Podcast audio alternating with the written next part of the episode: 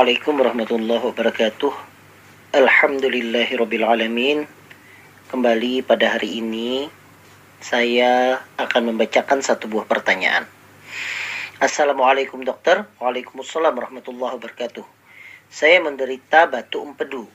Sudah dua bulan minum obat batu empedu. Oleh dokter Saya disuruh kurangi makan berlemak boleh dijelaskan kenapa saya disuruh mengurangi makanan berlemak? Dari Jafri. Baik, terima kasih Bapak Jafri atas pertanyaannya.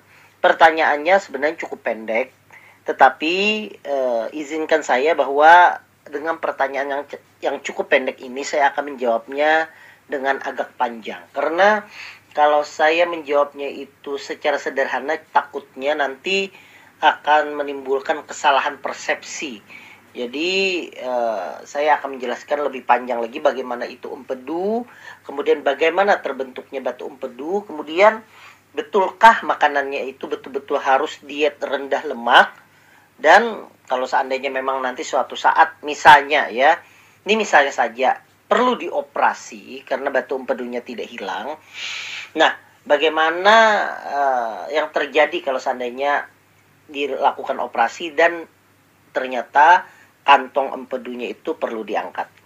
Baik, pertama saya akan berbicara dulu tentang masalah uh, empedu atau sistem empedu. Jadi, empedu itu adalah suatu kantong, ya. Dan kantong itu beserta dengan saluran yang terhubung menuju ke usus 12 jari. Nah, Kantung empedu itu terletak di dalam rongga perut sebelah kanan, tepatnya di bagian kanan hati, e, mengarah ke tengah. Kantong empedu itu dia bisa menyimpan antara 30 sampai 50 cc kandungan empedu. Dari depan, kalau dilihat dari depan, kantong empedu itu tertutup oleh hati. Namun, bagian bawahnya itu langsung berbatasan seperti yang saya sebutkan tadi, berbatasan dengan usus 12 jari. Nah, pembentukan cairan empedu itu terjadi di dalam hati. Sel hati itu pertama-tama dia akan membentuk garam empedu dari kolesterol. Nah, reaksi antara kolesterol dan berbagai zat dalam sel hati itu akan menghasilkan air dan senyawa dengan pH yang netral yang kita sebut dengan garam empedu garam empedu itu nanti bercampur dengan air, bercampur dengan kolesterol, mineral, dan bilirubin itu membentuk cairan empedu. Nah, bilirubin inilah yang memberi warna sehingga warna empedu itu dia itu berwarna hijau. Hasil pencaburan tersebut akan ditampung di dalam kantung empedu. Dalam sehari-hari, hati itu akan memproduksi antara setengah liter sampai satu liter empedu. Ya, antara 500 sampai 1000 cc empedu. Nah, nantinya cairan ini akan dipekatkan di kantong empedu sampai 10 kali lebih pekat. Jadi di dalam kantong empedu itu cairannya itu akan pekat. Begitu hasil pencernaan makanan dari lambung memasuki usus, asam dari makanan itu akan merangsang pelepasan hormon. Ada dua hormon namanya sekretin dan kolisistokinin. Di mana sekretin itu akan merangsang saluran empedu untuk mengeluarkan air dan cairan bikarbonat sehingga cairan empedu itu akan bertambah banyak sehingga akan mengalir ke usus. Sedangkan kolisistokinin itu merangsang gerakan kantung empedu dan saluran empedu untuk mengeluarkan lebih banyak cairan menuju usus 12 jari. Nah, jadi fungsinya untuk apa? Secara umum, ya, fungsi empedu itu bagi manusia itu ada empat, ya. Tapi kalau seandainya secara umumnya itu fungsinya itu ada fungsi pencernaan untuk membantu mengurai lemak, sedangkan yang kedua adalah membantu fungsi hati dalam mengeluarkan zat-zat sisa metabolisme dari dalam tubuh. Nah, sedangkan fungsi lainnya itu yang empat saya sebutkan. Yang pertama, membantu kerja enzim pencernaan, di mana cairan empedu itu dapat menetralkan lingkungan lambung yang terlalu asam. Ini karena sifat empedu tadi sifatnya cenderung e, no, apa namanya e, netral atau cenderung mengarah ke basa dengan pH antara 7,5 sampai 8,5. 8,05. Cara kerjanya adalah menyerap molekul air dan bikarbonat yang ada di sekitarnya sehingga cairan asam itu menjadi lebih netral lagi. Kemudian yang kedua ini yang cukup penting, menggumpalkan lemak untuk dicerna. Jadi kalau kita ketahui lemak itu kan tidak bisa bersatu dengan air. Nah, dia baru bisa bercampur dengan adanya bantuan zat pengemulsi atau penggumpal. Sebagai contoh misalnya, kalau ada lemak di wajan, kalau kita cuci langsung dengan air, dia kan tidak bisa kita cuci. Tetapi begitu kita bantu dengan pengemulsi yaitu sabun, maka dia bisa bersatu dengan air sehingga dia menjadi lebih bersih. Nah, sama juga dengan lemak yang ada di dalam usus kita. Dia tidak bisa diserap dan tidak bisa masuk ke dalam bersatu dengan air. Nah, dibantu, diemulsi dengan asam empedu, maka dia akan bisa bersatu antara lemak dan air tersebut. Kemudian yang ketiga, empedu itu mempunyai fungsi membantu enzim lipase. Dan yang keempat, ternyata asam empedu itu juga berfungsi untuk membunuh bakteri yang merugikan. Itu adalah fungsi dari empedu. Sekarang kita lebih mengerucut lagi seperti pertanyaan Pak Jafri tentang masalah batu empedu. Nah, bagaimana sih batu empedu itu terbentuk? Batu empedu dalam bahasa kedokteran diagnosanya disebut dengan kolelitiasis, yaitu suatu timbunan kristal yang terbentuk di dalam kantung empedu atau saluran empedu. Proses terbentuknya batu empedu ini karena ada dua. Yang pertama bisa kolesterol, atau yang kedua bisa bilirubin yang berlebih di saluran cerna sehingga fungsi cairan empedu terganggu. Nah, batu empedu atau kolelitiasis ini paling sering itu ditemukan merupakan batu kolesterol. Ini yang paling mayoritas. Diikuti yang per, yang kedua adalah batu empedu pigmen hitam atau coklat karena tadi bilirubin. Kenapa bisa terbentuk? Ada beberapa faktor risiko. Yang pertama adalah jenis kelamin, di mana wanita itu lebih sering daripada laki-laki. Tetapi bukan artinya laki-laki tidak tidak bisa kena, laki-laki juga bisa, tapi lebih sering pada perempuan. Kemudian yang kedua pada usia di atas 40 tahun. Kemudian yang ketiga karena ada kegemukan atau obesitas. Kemudian yang ke selanjutnya adalah diet yang terlalu tinggi lemak dan serat yang sangat rendah. Kemudian selanjutnya ada penyakit penyerta seperti diabetes mellitus atau kencing manis, kemudian gangguan lemak atau dislipidemia, kolesterol yang tinggi, trigliserid yang tinggi, kemudian juga penurunan berat badan yang drastis. Nah, ini hati-hati loh, bisa menyebabkan faktor risiko terbentuknya batu empedu. Dan ternyata beberapa penelitian kehamilan juga bisa membentuk batu empedu. Nah, batu empedu tadi disampaikan paling sering terdiri dari dua jenis, yaitu batu empedu kolesterol, di mana warnanya kuning atau hijau.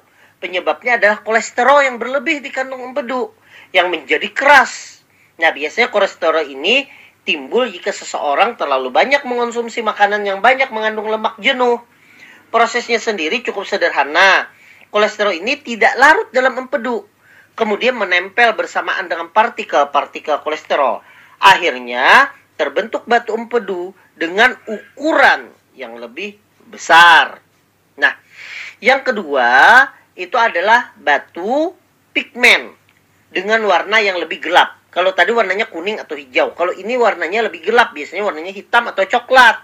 Nah, batu ini terbentuk oleh jumlah bilirubin yang terlalu banyak dalam empedu.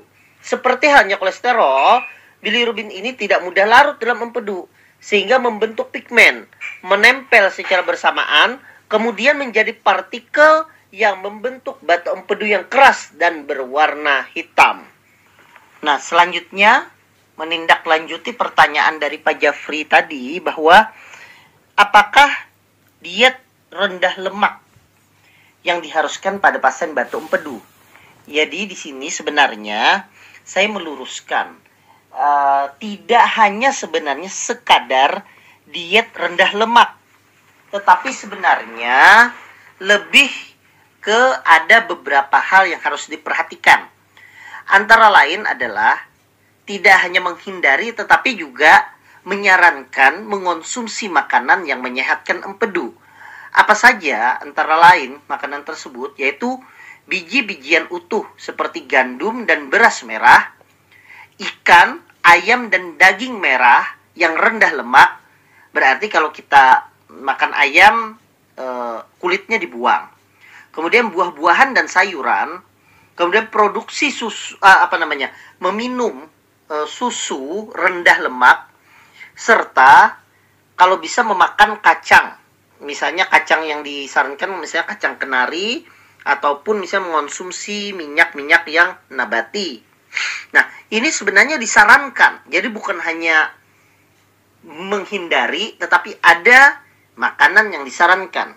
Sedangkan yang dibatasi bukan dihindari ya.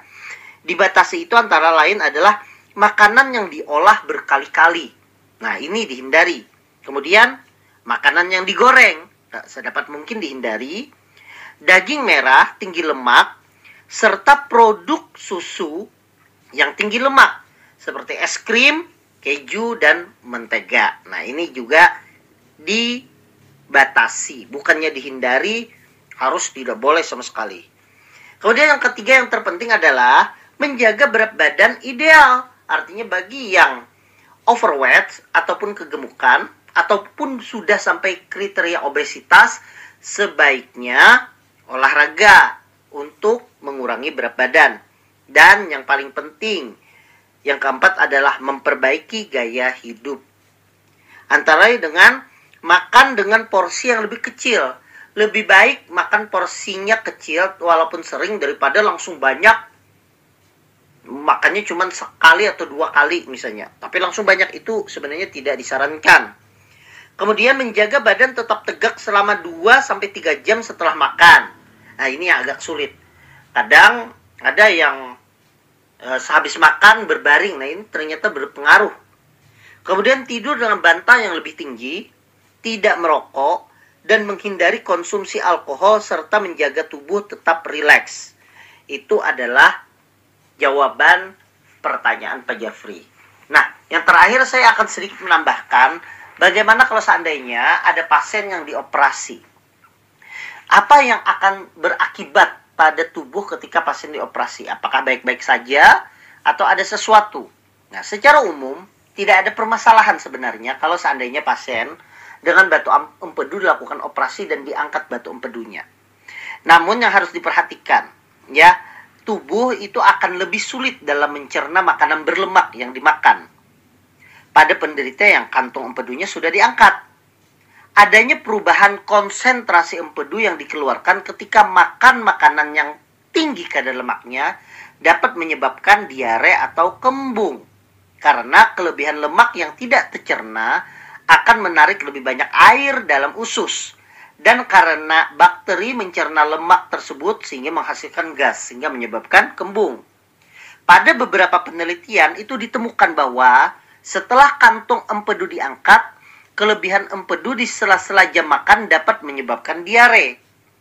Namun diare ini hanya berlangsung sementara saja. Karena itulah diet pada pasien yang telah menjalani pengangkatan kantung empedu sebaiknya adalah diet yang rendah lemak. Nah, ini jadi yang betul-betul rendah lemak itu adalah pada yang sudah menjalani operasi kantung empedu. Hindari atau kurangi makan makanan gorengan, daging-dagingan merah terutama yang berlemak, kemudian keju, kemudian es krim, mentega dan lain-lain.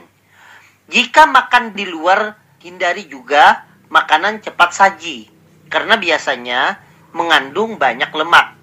Yang juga penting adalah makan secara teratur karena empedu yang dikeluarkan jumlahnya konstan. Makanan yang dimakan juga perlu memiliki komposisi yang seimbang antara lemak, protein, dan karbohidrat. Jadi demikian yang bisa saya sampaikan dan bisa saya jawab dari pertanyaan Pak Jafri. Saya doakan semoga Pak Jafri bisa segera sembuh dari batu empedu ini. Dan saya doakan semua kepada seluruh jamaah dan pendengar dari Assalamualaikum dokter ini. Semoga kita semua diberikan kesehatan oleh Allah Subhanahu wa taala. Wassalamualaikum warahmatullahi wabarakatuh.